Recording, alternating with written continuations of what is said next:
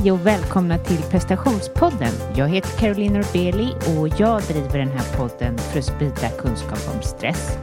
Men också för att jag vill ta reda på hur presterar man och mår bra och hur lever man på bästa sätt i den här världen för att må bra och därför intervjuar jag ju människor som har mattat ut sig och jag intervjuar kända och okända människor som har gjort det för att få det perspektivet och sen också experter och så försöker jag leta i djungeln av eh, lite mera eh, alternativa lösningar när inte lösningar finns i vården helt enkelt.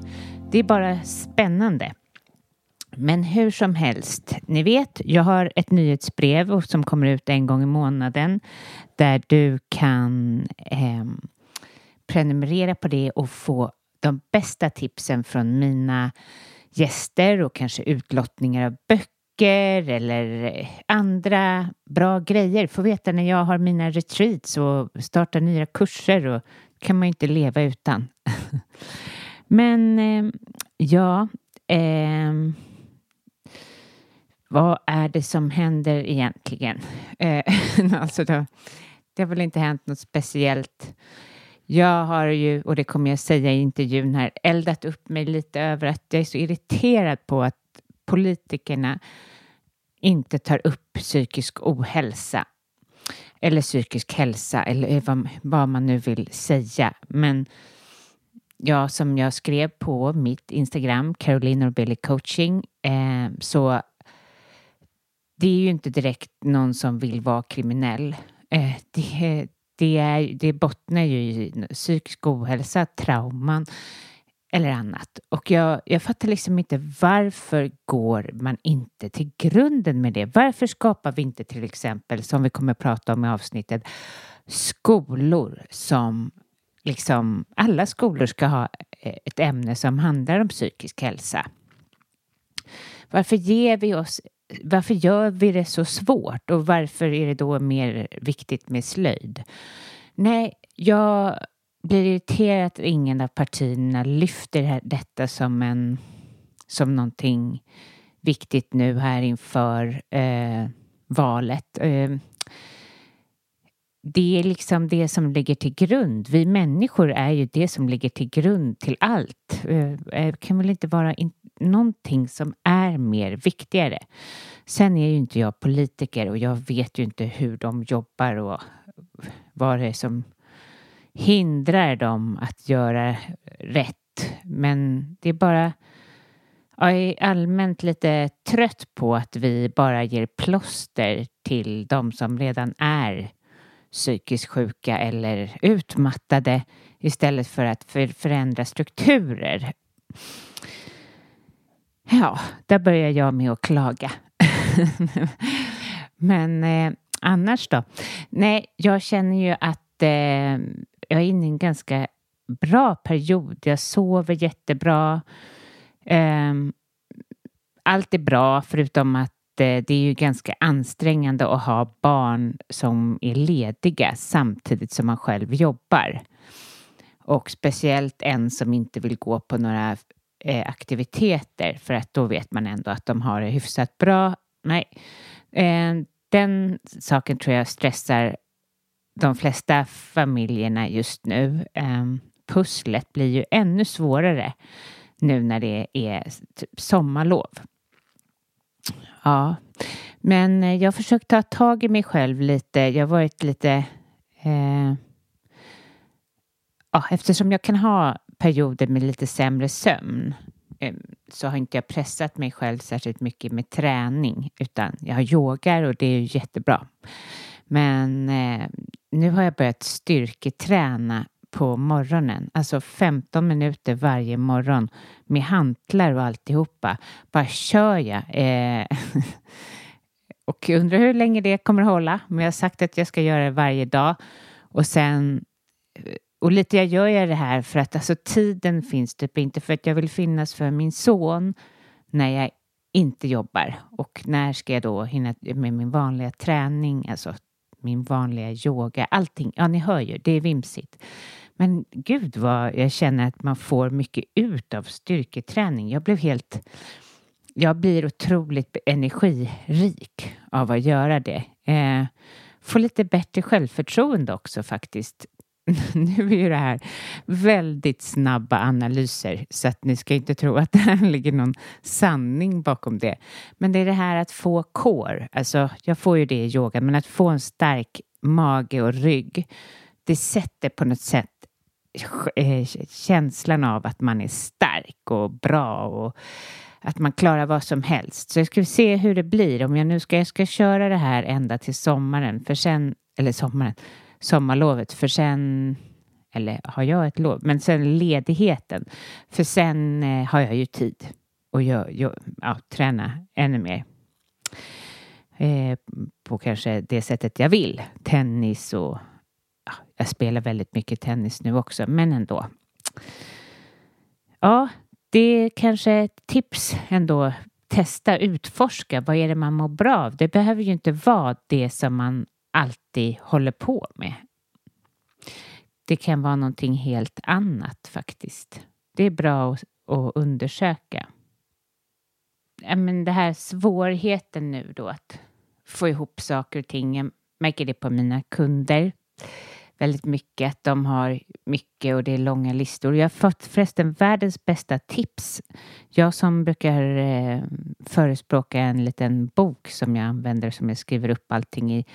Men To Do heter det. Microsofts app. Man skriver in allting man ska göra och kan även ta förfallodag och påminnelser och allting. Jag tycker inte att man ska befinna sig mer i, i telefonen utan men i det här fallet så är det faktiskt väldigt bra. Jag, så skönt att bara skriva ner och veta att den finns där. För telefonen, den sitter ju slickad alltid med en. Den glömmer man inte första taget och gör man det så märker man ju verkligen av det. Men hur som helst, man, To do heter den. Om du har mycket i ditt huvud så skriv ner. Och jag tänker väldigt att det är viktigt liksom. Vi tycker att vi är så viktiga. Eh, alltså det här med rädslan. Att skapa sådana där listor och, är ju nödvändigt, men det också ligger ju en viss rädsla bakom att missa saker.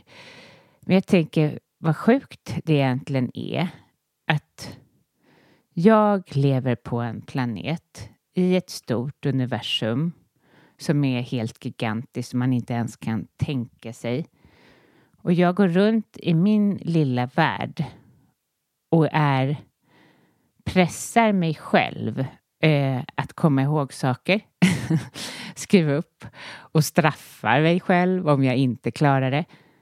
Men, ja, men ni hör nu, jag blir ju helt ex... Vad heter det? Jag blir helt jag försöker sätta det här i perspektiv så att ni kan själva känna hur absurt det är att vi pressar oss själva till små ytterligheter när vi är så små. Men det är konstigt för det känns ju inte så, för det känns ju som att våra liv är jätteviktiga och jättestora. Men egentligen så är vi inte det. Ja, ni hör. Var har jag kommit någonstans?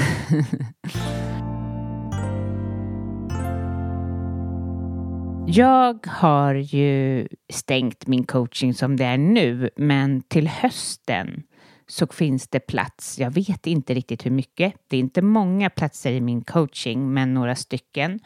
Och eh, det är för dig som vill skapa förändring, som vill arbeta med prestationskrav, stress, som vill hitta tillbaka till dig själv, kanske vill hitta vad du vill i livet, vad du vill göra och eh, helt enkelt är trött på hur du har det just nu. Och du kanske sluta pressa dig själv så att du är helt slut utan leva mer.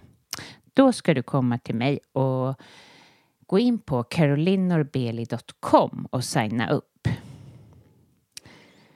Eh, no, jag kommer inte ha lika många enskilda coachingar i förmån till den här nyheten att jag kommer starta en kurs på nätet digitalt i september, 14 september om jag inte minns fel, där vi ses, max tio personer och jobbar med just de här ämnena som jag beskrev eh, som hör till min vanliga coaching, alltså prestationskrav, stresshantering, eh, att hitta mer tillbaka till dig själv, att gränssätta, att jobba med dina tankar och ja, få känna dig mer levande. Och den här kursen är sex gånger, men det är också en gång enskilt med mig.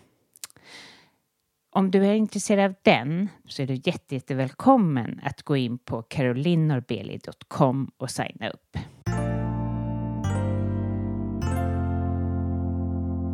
I dagens avsnitt så har jag träffat Siri Helle. Jag har faktiskt träffat henne idag. det brukar inte vara så. Jag brukar vara lite mer, ha mer framförhållning. Men Siri Helle är ja, en intressant person. Hon är psykolog och hon har skrivit ett flertal böcker. Och idag pratar vi bland annat om hennes bok Känslofällan. Att ta makten över dina känslor. Och det är ju väldigt intressant och väldigt bra när man har mycket stress i livet. Så lyssna till Siri Helle.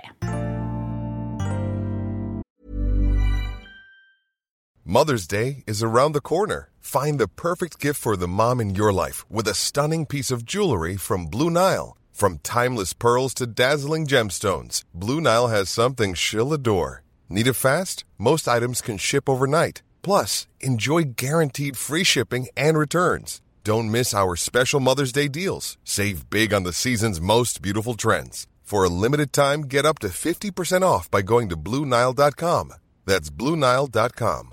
Many of us have those stubborn pounds that seem impossible to lose, no matter how good we eat or how hard we work out. My solution is PlushCare PlushCare is a leading telehealth provider with doctors who are there for you day and night to partner with you in your weight loss journey. They can prescribe FDA-approved weight loss medications like Wagovi and Zepbound for those who qualify. Plus, they accept most insurance plans. To get started, visit plushcare.com slash weight loss. That's plushcare.com slash weight loss. A lot can happen in three years, like a chatbot may be your new best friend. But what won't change? Needing health insurance. United Healthcare Tri Term Medical Plans, underwritten by Golden Rule Insurance Company, offer flexible, budget friendly coverage that lasts nearly three years in some states. Learn more at uh1.com. Everyone knows therapy is great for solving problems, but getting therapy has its own problems too, like finding the right therapist, fitting into their schedule, and of course, the cost.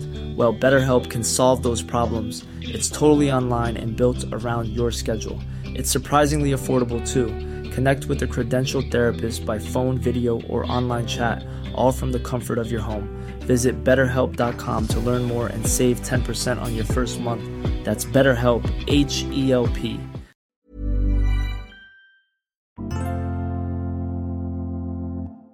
Hej och välkommen till prestationspodden Siri. Tack så mycket. För att sätta dig lite på karta som person, eh, vad jobbar du med? Jag är utbildad psykolog och jobbar med att sprida psykologisk kunskap på olika sätt. Mm. Så jag skriver böcker, föreläser.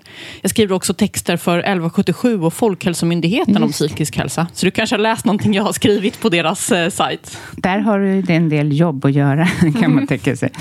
Det, det behövs ju. Men eh, hur, eh, hur kom du till att... Vad fick dig att bli psykolog? Jag har alltid varit intresserad av psykologi. Och jag menar, vem är inte det? När jag var på eh, högskolemässan så var det en psykolog som föreläste och sa Vi är alla hobbypsykologer. Bli psykolog och jobba med din hobby. Men Gud, vad. Så det var väl så det blev för mig. Men eh, det är rätt höga poäng att komma in där fortfarande, va? Eller det bör det väl vara, antar jag? Ja, eh, och det tänker jag kanske är extra aktuellt i den här podden. Just att eh, jag pressade mig själv väldigt hårt i gymnasiet. Jag förstår det. Så mycket att jag fick eh, gå till kuratorn och eh, lära mig att sätta gränser och mm. tagga ner helt enkelt. Hur gammal är du? Nu har jag precis fyllt 31. Aha. Mm. Bra ålder. Ja. eh, nej, men ja, jag förstår. Så du, visste du redan då vad du ville bli och kände att du var tvungen att pressa upp de här betygen för att lyckas med det? Eller var det bara allmän press? allmän press skulle jag säga. Det kändes som att jag visste inte vad jag ville bli, så därför var jag tvungen att ha högsta betyg i allt för att kunna bli vad jag ville. Um, och redan då hade jag också en dröm om att jag ville bli författare och skriva romaner och fackböcker och sådär. Ja, så du har ju redan, ja det är jag är så avundsjuk. Du har gått den här raka banan ändå. Alltså du har inte liksom, alltså du har vetat ganska tidigt, för du skriver ju böcker, eh, inte bara psyko, böcker inom psykologi. Nej, jag har skrivit en roman också. Ja. Mm, som heter Bränn alla broar. Ja, den är ju jättestor. Eh, ja, men den, och det här är ju också lustigt då, för att det var när jag gick på psykologprogrammet som jag eh, kände att jag är faktiskt skyldig mig själv att ändå ge min författardröm en chans. Även om det är väldigt liten sannolikhet att lyckas så kommer jag ångra mig om jag inte försöker. Så då tog jag studieuppehåll och eh, gick skrivarutbildning på folkhögskola ett år. Skrev Bränn alla broar. Eh, skickade in till förlag. Skickade in till 40 stycken förlag. Eh, 20 sa nej, 19 svarade inte. Men det var ett förlag mm. som sa ja. Och det räckte ju. Inspirerande att höra, för ibland har jag i tanken att jag skulle vilja skriva en bok också. Men ja, vi har fått, jag har varit inne på vissa ämnen som jag skulle vilja skriva om. Och jag har fått, men ämnet är lite för känsligt. Mm, ja, så mm. de vågar inte stå för det. Men jag kan inte säga vad ämnet är. Det kommer kanske någon gång. Mm. Ja. Eh, Okej, okay, så, så hjälpte den där terapeuten dig? Definitivt. Det viktigaste vi gjorde var ju att jag fick skriva ett schema för när jag skulle plugga.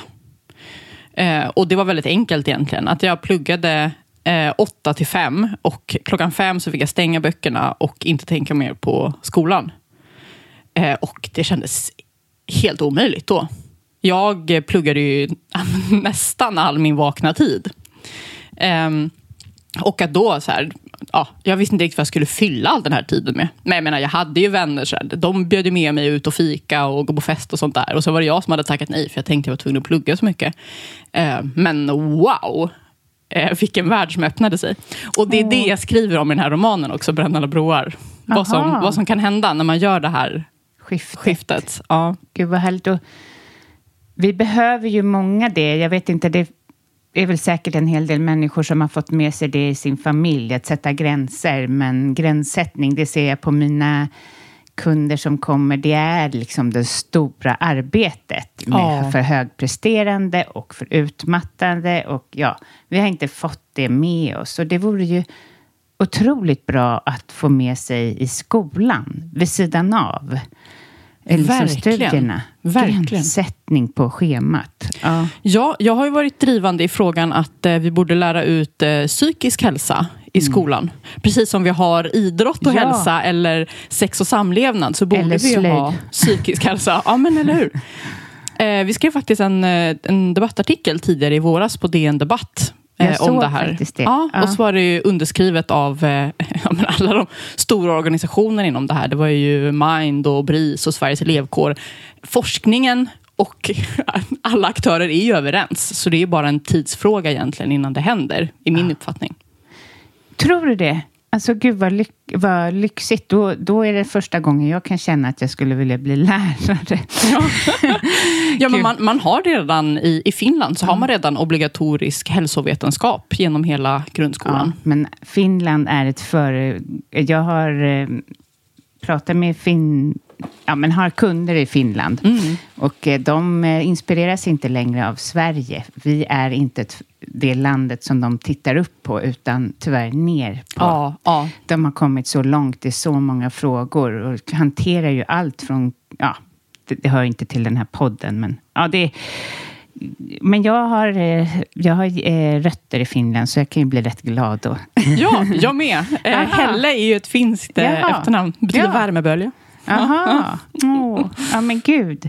Då har vi mycket gemensamt. Men jo, men tror du aha, att det kan bli ett ämne? Grejen är den att jag försöker tvinga mig på skolan med att liksom gå och meditera med dem i eh, mina barns klasser och så. I alla fall min dotters klass som låter mig. För att jag försöker liksom på en liten nivå sprida det här. Mm, att mm. det behövs någonting annat. Och jag såg hur eh, barnen njöt av det. Alltså att få sitta tysta. För att det är sån hög vol eh, volym. Liksom. Ja. Och man såg killarna inte riktigt, eller vissa tjejer då också, men det bara kröp i dem. Man såg att de hade ett behov av att springa av sig. Att det liksom, jag, jag bara tänker så här, tänk om de fick springa innan lektion, alltså Ja. på morgonen, springa av sig som galningar och sen sitta i lite meditation och sen lära sig gränssättning. Ja, Ja. sy ihop det. Nej, men det tror jag verkligen att vi kommer se framöver. Eh, Just Gud, att lära ut de här viktiga färdigheterna som man har stor nytta av både i skolan och resten av livet. Du tar upp gränssättning. Det kan ju också vara att eh, lära sig sätta ord på sina känslor och lära sig hur man ska hantera dem. Eh, hur man stöttar en kompis som mår dåligt eller någon Ja. annan. Ja. Och det finns ju sådana här program framtagna som man har studerat och sett att de ger effekt. Vem, vem stoppar? Det är ju deras schema. De säger att det får inte plats mer på schemat, men man måste ju börja... Eh, som det var en av mina kompisars eh, son som sa, som är ganska smart, han bara, det räcker väl med att vi lär oss sy en knapp, mer gör vi ju inte. kan, kan ha, om man nu ser till psykisk hälsa är så viktigt och vad, hur samhället ser ut idag, så kanske vi måste Verkligen. prioritera bort någonting. Ja, psykisk hälsa är ju en förutsättning för att man ska kunna gå i skolan och lära sig och fokusera. Ja. Så absolut. Och, och där tror jag att det som behövs är att man tillsätter en utredning och tittar på i vilket format det här görs bäst. Precis. Du har ju skrivit eh, Känslofällan. Berätta, hur kom du till att skriva den och varför? Ja, så Känslofällan är ju en självhjälpsbok som handlar om eh, hur man tar makten över sina känslor helt enkelt. Och inte låter dem styra en och ställa till det för en i vardagen. Det här är ju någonting som händer oss alla flera gånger per dag. Att vi fastnar i sådana här känslofällor. Vi gör någonting som känns skönt i stunden trots att det ställer till det för oss på sikt. Det kan ju vara till exempel som du sa det här med att sätta gränser. Att eh, det är ganska jobbigt i stunden att sätta gränser. Så då låter man bli. Men så kan det få stora allvarliga konsekvenser längre fram. Men det kan ju också vara bara att man eh, skjuter upp saker man egentligen borde göra. Eh, att man fastnar i eh, svartsjuka eller överdriven shopping. Alltså det finns ju tusentals exempel. Och grejen är att det finns ju verktyg för det här. Jag har ju jobbat som, som psykolog i flera år, eh, men den här kunskapen den har funnits i decennier. Så vad jag vill göra med den här boken var att sammanfatta de bästa verktygen från KBT. Hur man tar makten över sina känslor och sen sprida den. Vad tänker du med liksom det här, eh, när du jobbade som psykolog, var, det, eh, var du KBT-psykolog då eller jobbade du som en psykolog som satt och lyssnade på, bakåt i tiden också? Om man säger Ja. så förenklat. Eh, nej, men Ja. Jag är utbildad inom KBT. Ja, du är det. Just för ja. att det är den metod som visat sig funka bäst vid olika psykiatriska tillstånd som depression och paniksyndrom och också vid, vid stress. Så därför är det den som man brukar använda inom vården. Ehm, men med det sagt så, det är en del av KBT också att eh, det är viktigt att liksom se sina mönster. Det tror jag också. Eh, och så i viss mån kan man ju diskutera så här, ja, men hur, hur uppkom de här besvären och vilka mönster har du haft? Men fokus är ju, hur ska du kunna agera annorlunda nu Ja. så att du blir bättre? Men Det tror jag verkligen på. För det går, men att man ändå ser var problemet kommer ifrån. För vet man inte det, då kan man ju hålla på med det där i evigheter. Eller vad man ska säga. Det är bra att få en förståelse. så. Ja. Men, men samtidigt så, eh, i vissa fall så hittar man ju ingen, Nej. ingen liksom grundorsak. Eh, och då kan man behandla ändå. Ja, och då är det ju mera här och nu. Och då är det KBT. Ja. Ehm, jag tyckte det var väldigt bra som du har sagt någonstans eller skrivit. ehm, det här begreppet just do it som vi är präglade med. Som jag kan tänka mig många av de som lyssnar nu, liksom, de vet hur de ska göra saker. De bara plöjer så. Mm, Men att eh, istället tänka how to do it. Vad tänker, tänker du kring det? Ja, Nej, men för inom KBT då pratar man om den psykologiska triangeln. Att tankar, känslor och beteenden hänger ihop och påverkar varandra. Och ofta så när vi mår dåligt, vi kanske känner oss stressade till exempel, eh, så brukar vi förändra våra tankar och känslor. Vi försöker att slappna av, sluta vara så stressade. Eh, vi försöker att ändra våra tankar. Att så här, nej, tänk inte på eh, alla de här sakerna du måste göra. Försök vara närvarande i nuet till exempel. Men grejen är att man har sett då i psykologisk forskning att det som ofta funkar bäst, det är att börja med att förändra beteendet. Så till exempel då att även om man känner sig stressad, att faktiskt avsätta tid för att göra de här sakerna som brukar få en att slappna av. Även om man är uppe i varv till att börja med. Får man ändå gör det här så brukar tankarna och känslorna haka på. Mm. Och, och eh, det här med just do it, alltså det kan ju låta då som bara du vet, Nike-slogan. Att så här, men vadå, det är ju bara att sätta gränser. Det är inte så svårt, gör det bara. Och det är klart att hade det varit så enkelt hade man redan gjort det. Utan det är därför som jag har skrivit den här boken och inte bara eh, liksom tryckt upp det på en t-shirt. Utan det är ju som du säger, how to do it. En manual för hur man lyckas med att förändra sitt beteende. Eller det jag kallar då för beteendeprincipen. Att genom att agera annorlunda i vardagen så kan du förändra dina tankar och känslor. Mm. Och vi säger att man har eh, kanske negativa tankar kring sig själv, typ jag duger inte. Tror, går det att förändra med beteendeförändring? Absolut. Eh, alltså, det, är ingen mirakelmetod Nej. som kommer göra att du aldrig mer eh, tänker negativa tankar. Men ofta så har vi då sådana beteenden som, som till exempel då, så här, ja, jag duger inte. Eh, ja, men därför så måste jag överförbereda mig för allting. Ja. Se till att, jag, att det är perfekt innan jag visar upp det för världen. Och där kan beteendeprincipen handla om att göra ett litet fel med flit. Ja. Eller du vet, sätta, sätta gränser. Som, som jag fick då. Att säga, nej, nu måste du sluta plugga klockan fem och sen får du se hur det går på provet helt enkelt. Eh, och upptäcka att det, det är helt okej. Okay. Eller överätande också till exempel. För ja. att man tycker att man är värdelös så trycker man i sig massa dålig mat. Eh, Just där det. kan det hjälp, hjälpsamt. Jag förstår principen. Mm, ja. mm. Precis, för där kan man känna att så här, eh, jag är inte värd att ta hand om mig själv. Eh, och det tar emot då att, att göra de här sakerna som är snälla mot en själv.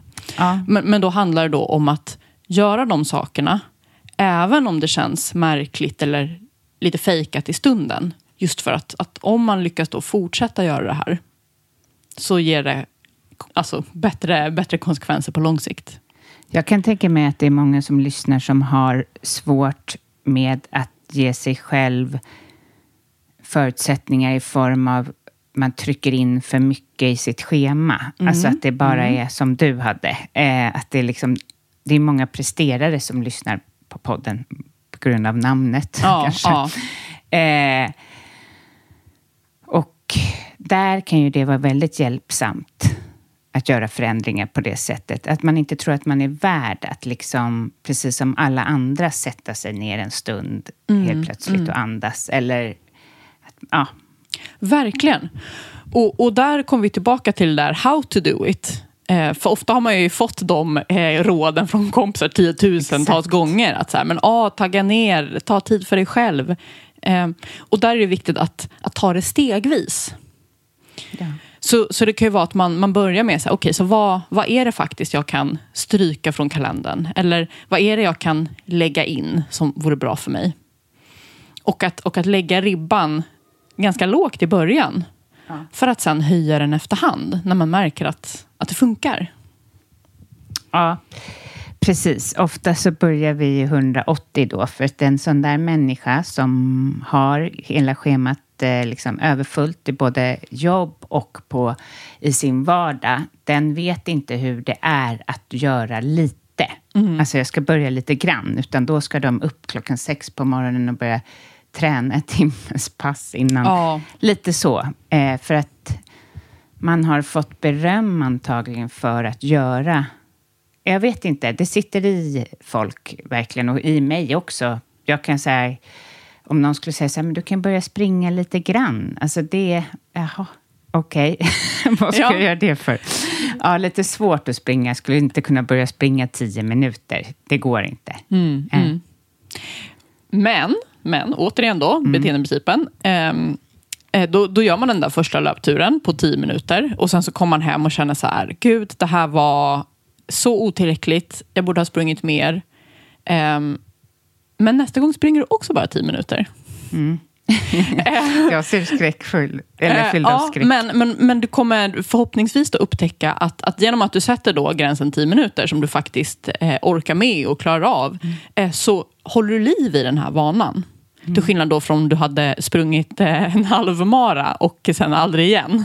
Ja, och också så kan det ju vara så att då, jag, om jag börjar, alltså jag springer inte särskilt ofta, jag tränar andra grejer, men om jag springer, då springer jag ju lika långt som jag brukar göra, alltså 40 minuter. Och då kanske jag misslyckas, alltså går lite. Och då får man ju en dålig... Eh, då tyck, känner inte jag mig bra heller. Så att du har rätt, man ska ju ta det stegvis för att lyckas. Och sen också en annan viktig grej. Ehm, varför springa överhuvudtaget? Ja, eller hur? Som du säger. Nej, men, eh, en annan viktig del av pri- beteendeprincipen är ju att göra det som passar dig.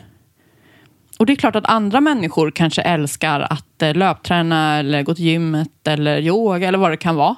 Men för dig kanske är det någonting helt annat. För dig kanske återhämtning är eh, att gå och simma eller gå ut och dansa med kompisarna. Eller du vet, gå hem till någon och ta ett glas vin. Det kanske är det som är Ja, återhämtande för dig. Ja, precis. Imagine the softest sheets you've ever felt. Now imagine them getting even softer over time. That's what you'll feel with Bowl and Branch's organic cotton sheets. In a recent customer survey, 96% replied that Bowl and Branch sheets get softer with every wash. Start getting your best night's sleep in these sheets that get softer and softer for years to come. Try their sheets with a 30-night guarantee. Plus, get 15% off your first order at bowlandbranch.com. Code BUTTERY. Exclusions apply. See site for details.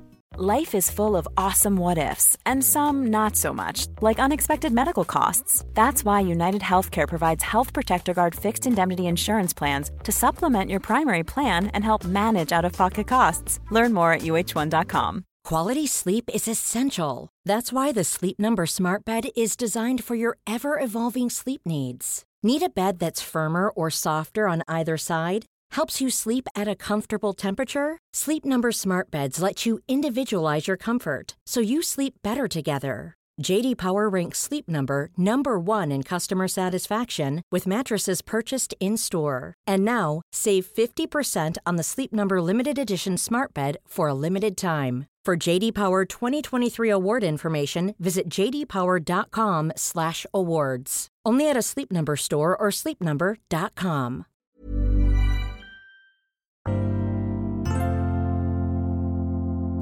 Hur minskar man stress när man lever i en stressad vardag? Det här är ju lite av den, eh, faktiskt. Att eh, börja eh, i små steg göra förändringar. Men eh, vad tänker du mer kring det? Nu hoppar jag rätt in i det här ämnet, men det här ämnet är också väldigt stort i podden stress. Så, Ja, ja. Så den känslofälla man ofta hamnar i när man är stressad, det är ju att skynda på. Att öka takten. Och det är väldigt naturligt att det blir så. För, för rent evolutionärt så har den här känslan av stress varit till för att vi ska klara oss igenom en utmaning. Som antingen då är väldigt övergående, att vi blir jagade av en hyena. Eller att den är väldigt allvarlig, till exempel att det är en långvarig svält. Så att det är viktigt att vi ger oss ut och letar mat nu, för att annars kommer vi inte överleva. Men som samhället ser ut idag så blir vi stressade över en massa olika saker och den här stressen är inte övergående och den är inte heller livshotande. Alltså världen kommer inte gå under för att du inte du vet, äter perfekt kost eller presterar på topp på jobbet varje dag eller sådär. Men det kan kännas så. Och det triggar precis samma impulser i oss. Att vi får lust då att liksom lägga på ett kol, jobba mer, jobba längre, jobba hårdare. Och där handlar ju beteendeprincipen om att inte jobba hårdare, utan jobba smartare. Oj, hur gör man det? Ja. Det är intressant. Ja, och, och det är ju ett helt kapitel i boken som handlar just om, om hur man hanterar stress. Men eh, om vi ska plocka lite russin ur kakan då. Så till exempel så handlar det om att vi både mår och presterar bättre när vi har pauser däremellan. När vi har tid för återhämtning och ladda batterierna. Det kan ju kännas som att man får mer gjort om man du vet, jobbar över lunchen och sitter och bara kastar i sig en matlåda framför datorn. Men i själva verket behöver vi ju den här liksom, omställningstiden. Att få tänka på någonting annat och sen komma tillbaka med nya ögon till den här uppgiften. Att inte klossboka, som jag tycker är ett bra ord. Ja. Ehm, som det var typ den fjärde som kom till podden sa. Och jag var helt nytt för mig. Mm, mm. ja, att lägga in liksom små pauser. Men jag tror att man jobbar utifrån rädsla nästan när man är så stressad att man aldrig tar en paus. Ja. Mm. Ja, och det är just det att, att känslor är ju väldigt kraftfulla, eh, en kraftfull makt att, att gå emot.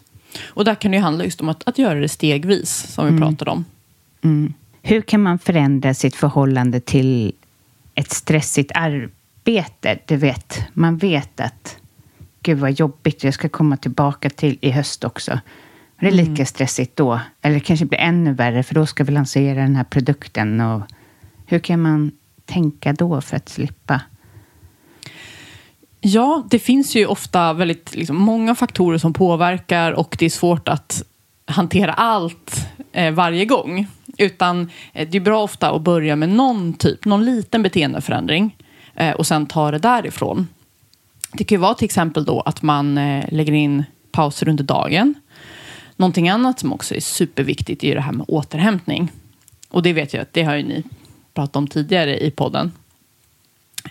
Så att även om det känns som att man inte hinner, att ändå boka in de här aktiviteterna som brukar ge ny energi. Mm, det tycker jag också är ett jättebra råd.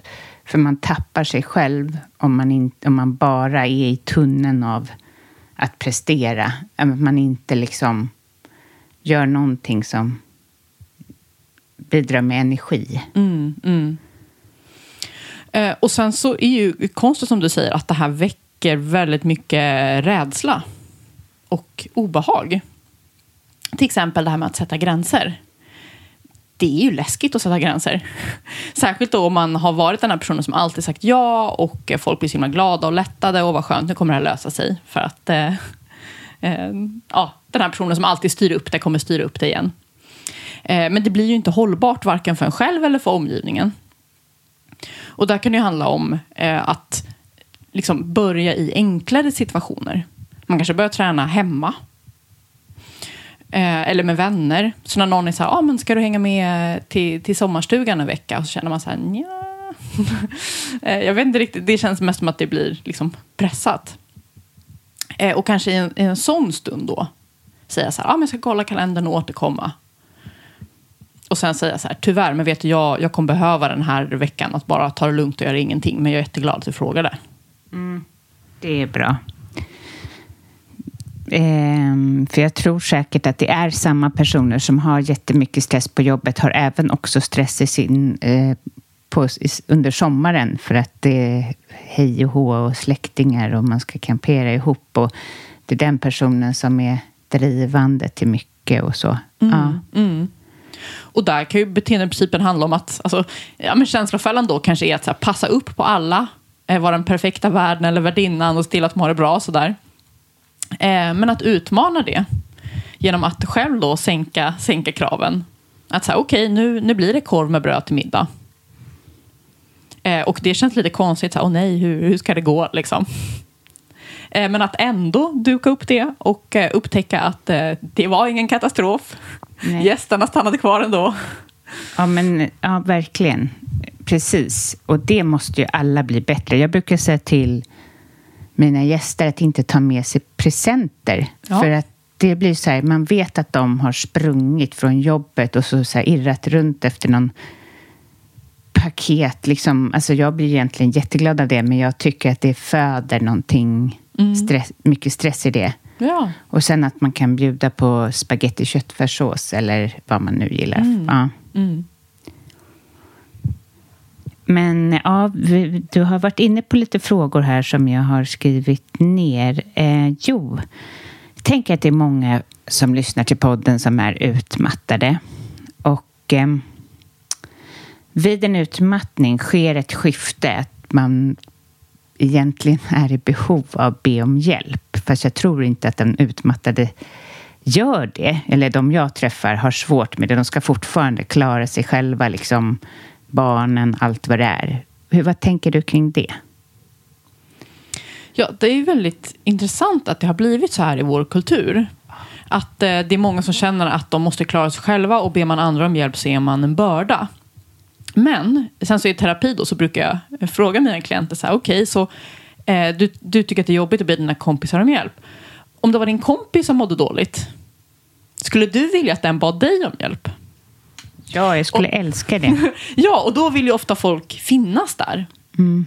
Eller i alla fall, så även om man inte kan liksom, kliva in och styra upp allting så vill man ändå veta om det och se. Så att, så att man, man är alltid kontaktbar i krissituationer eller vad det kan vara. Sådär. Um, men det är just det här att säga, jag vill inte vara en börda. Men där handlar det om, återigen så är det här en sån där klassisk känslofälla. Att man har alla de här liksom bilderna av vad som kommer hända och, och hur det kommer kännas och sådär. Men ofta när man väl då öppnar upp och testar så känns det ganska bra. Ja. Det känns ganska skönt. Vi människor, vi är ju flockdjur. Ja, vi jag, behöver varandra för ja, att klara oss. Och jag blir så irriterad på svenskt samhälle av den anledningen att vi inte hjälper varandra. Att det inte är, det har jag sagt i podden förut, så kanske blir en upp, återupprepning, vem vet. Men att det inte är en enda granne. Jo, jag har en granne som lånar bilen och tvätt, tvättmaskinen och sånt när det strular ja, och bygger om. Och har sig. Jätte, alltså jag uppskattar det så mycket, men hon är inte från Sverige. Mm, mm. Hon är från eh, Argentina. Alltså, så mm, mm, hon det går inte att räkna med henne. Men det är ingen annan som ens frågar om lite mjölk eller... Just om... det, de är så extremt självständiga. Ja, alla är så självständiga. Det, det, är ju det som är problemet med För vi är för självständiga så det kostar ju på världen. För om vi delade mer på saker som till exempel en, att vi alla har en gräsklippare på, på hela eh, gatan. Ja, så, ja. Då skulle vi mötas kring den här gräsklippan och eh, vi skulle tära mindre på världen. Mm, Men okej, okay. mm. och jag menar inte att vi behöver... Alltså, jag är inte för kollektiv. Det skulle får jag så kalla kårar. Jag har behov av en egen tid. Ja. men eh, men, men jag, någonstans där mittemellan. Eh, för vi har ingen anledning egentligen att hälsa på varandra på gatan. Mm, mm. Eh, ens en gång. Eller veta vem som bor i fjärde huset bort. Alltså, jag det. vet typ inte vilka det är som bor i fjärde huset. Alltså, jag, jag, vet vilka de är när jag ser dem. Men, men det är liksom, jag får inte upp det i mitt huvud. Ja, och, och, det ser man ju från psykologisk forskning att relationer är ju en av de enskilt viktigaste faktorerna som påverkar vårt mående. Ja. Och för att man ska fördjupa en relation så handlar det om att man är sårbara med varandra. Att man inte bara är den här liksom perfekta fasaden, för då har folk ofta svårt att, här, att känna en eller att relatera till en. Utan det är ju när man successivt då släpper på den här fasaden som man faktiskt kommer nära en annan människa. Ja, och det är precis som du kanske vet vem Katarina Blom är? Ja. ja. Hon var här i podden och pratade om, att liksom, om, om relationer och att det är de, yt, det, de ytliga relationerna är lika viktiga typ, som de nära. Mm. Att vi har behov av det här eh, chitchattet eller som mm. man gör. Det är därför man mår så sjukt bra när man åker utomlands. Man är både sedd, någon råkar säga hej, någon tittar åt en. Ja, ja. ja. Mm. ja, ja. Men jag tycker alla skulle bara gå ihop sig och bidra till det här. Men, men samtidigt, just eftersom vi pratar om eh, att man inte har fått lära sig hur man sätter gränser. Vi har ju inte heller fått lära oss hur man stöttar någon annan Nej. som mår dåligt. Nej. Jag menar, oftast Precis. har man ju koll på, på liksom de här grundläggande grejerna. Att så här, det är bra att, att lyssna och finnas där. Men, men vad gör man sen? Om någon kommer till en och berättar att den är deprimerad eller att den eh, ja, men, tror att den är på gränsen till utmattning. Va, vad gör man? Så därför i den här boken så har jag ju också då avsnitt om hur man stöttar en kompis. Ja, men det är bra. Det är säkert inte folk... Nej, precis. Folk kanske inte vet det. Ja. För så kan det ju vara att man har testat att berätta hur man mår. Men att den personen har liksom blivit helt ställd för den vet inte vad den ska göra av det. Eh, och då är det klart att man blir mer försiktig med att berätta för någon annan. Men det är bra att komma ihåg att, att människor är olika och även om vissa inte har fått lära sig hur man pratar om känslor så finns det andra som Ja. har, har tränat mer. Ja, ja, verkligen. Ja, ja. precis. I mitt, eh, I mitt umgänge så, eller vi, ba- det är det enda vi gör. Eh, alltså, så för mig är det väldigt svårt att förstå, men det är ju bara en liten klick i samhället. Ja. Just det. Ja. Planning for your next trip? Elevate your travel style with Quince. Quince has all the jet setting essentials you'll want for your next getaway, like European linen, premium luggage options, buttery soft Italian leather bags, and so much more. And is all priced at 50 to 80% less than similar brands. Plus, Quince only works with factories that use safe and ethical manufacturing practices. Pack your bags with high-quality essentials you'll be wearing for vacations to come with Quince. Go to quince.com slash pack for free shipping and 365-day returns. Imagine the softest sheets you've ever felt. Now imagine them getting even softer over time. That's what you'll feel with Bowl and Branch's organic cotton sheets. In a recent customer survey, 96% replied that Bowl and Branch sheets get softer with every wash. Start getting your best night's sleep in these sheets that get softer and softer for years to come. Try their sheets with a 30-night guarantee. Plus, get 15% off your first order at bowlandbranch.com. Code BUTTERY. Exclusions apply. See site for details. Mom deserves the best, and there's no better place to shop for Mother's Day than Whole Foods Market. They're your destination for unbeatable savings, from premium gifts to show-stopping flowers and irresistible desserts. Start by saving 33% with Prime on all body care and candles. Then get a 15-stem bunch of tulips for just $9.99 each with Prime. Round out Mom's menu with festive rosé, irresistible berry chantilly cake, and more special treats. Come celebrate Mother's Day at Whole Foods Market. Ja, vi var inne på innan vi satte på intervjun om det här med att jobba hjärnsmart och fem färdigheter för det nya arbetslivet. Just det. Ja, det är en föreläsning som jag brukar ha ute i organisationer och för chefer och medarbetare. Och jag fattar om du inte kommer ihåg alla fem nu, men vi kan ju försöka tillsammans. Vad, vilka, vilka var de? Kan du komma på en? Ja, då pratar jag dels om hur man eh, blir fokuserad i det här nya arbetslivet med digitala distraktioner och ständiga avbrott och möten. Så hur man kan hitta fokus. Jag pratar också om hur man kan få samarbete att funka i den här nya hybrida vardagen. Eller bara eh, just att vi måste samarbeta kring olika projekt och sådär. Och så kanske det är någon man inte kommer lika bra överens med. Hur, hur får man den då att flyta på? Så pratar jag om hur man sätter gränser mellan jobb och fritid. Det här eh, work-life balance. Ja. Hur lyckas man med det? Men eh, nu när jag hör dig säga det här så kanske det är något du kan komma tillbaka lite mer och prata mer om. Ja. Ja, alltså gud, jag älskar ju att prata psykologi och det finns ju hur mycket forskning som helst där ute som behöver spridas. Så Eller hur? jag kommer gärna tillbaka. Ja, men sen... ehm, för då tänker jag så här att i... Eh, kanske i höst så kommer du tillbaka och prata kring det, men också det som vi nämnde om mobilerna och sociala medier som gör oss stressade. Men att du hade en tanke om att det kanske är vi som inte kan hantera det. Det är ju inte själva mobilen som stressar oss. Just det. Ja, för, precis. Nu är jag ju aktuell då med Känslofällan, men min förra bok hette Smartare än din telefon. Hur du använder mobilen för att må bättre, bli effektivare och stärka dina relationer. Just för att vi har det här nu makalöst kraftfulla verktyget i bakfickan hela tiden. Och det kan antingen ställa till det för oss, komma i vägen, men det kan också användas på ett bra och konstruktivt sätt för att Ja. vi ska komma närmare människor och ja, få lite fler eh, liksom pauser i vardagen för att vi kan bli mer effektiva på andra sätt. Ja, Jag brukar säga att man ska inte se på, på skärmtid som godis, att ju mindre desto bättre. Utan man ska snarare se på det som mat. Det finns olika typer. Och det finns de här efterrätterna som man ska försöka hålla nere på. Kanske att bara sitta och, och slöskrolla trots att man har viktigare saker att göra. Men sen finns det också de här grönsakerna. Att ha videosamtal med kompisar eller eh, kolla på en träningsvideo eller sådär. Som liksom peppar och inspirerar och som man mår bra av att göra. Lyssna på podd till exempel. Ja, exakt. Ja, det, podd är bra.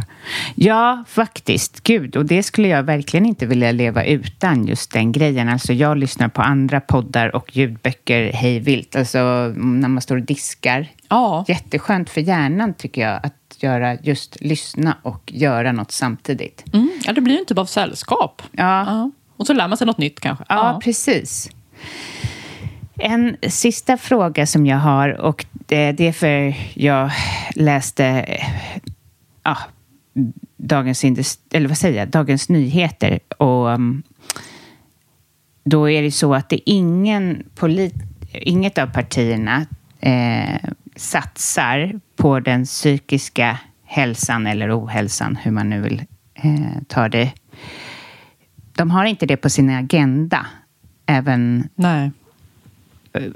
Alltså, hur, hur, hur ska du kunna svara? Det här kanske jag ska ta med någon politiker. Men jag är så upprörd över det. Alltså att de inte, det är precis som sjukvården. Om jag nu, alltså sjukvården är jättebra när det fungerar, men till exempel psykiatrin.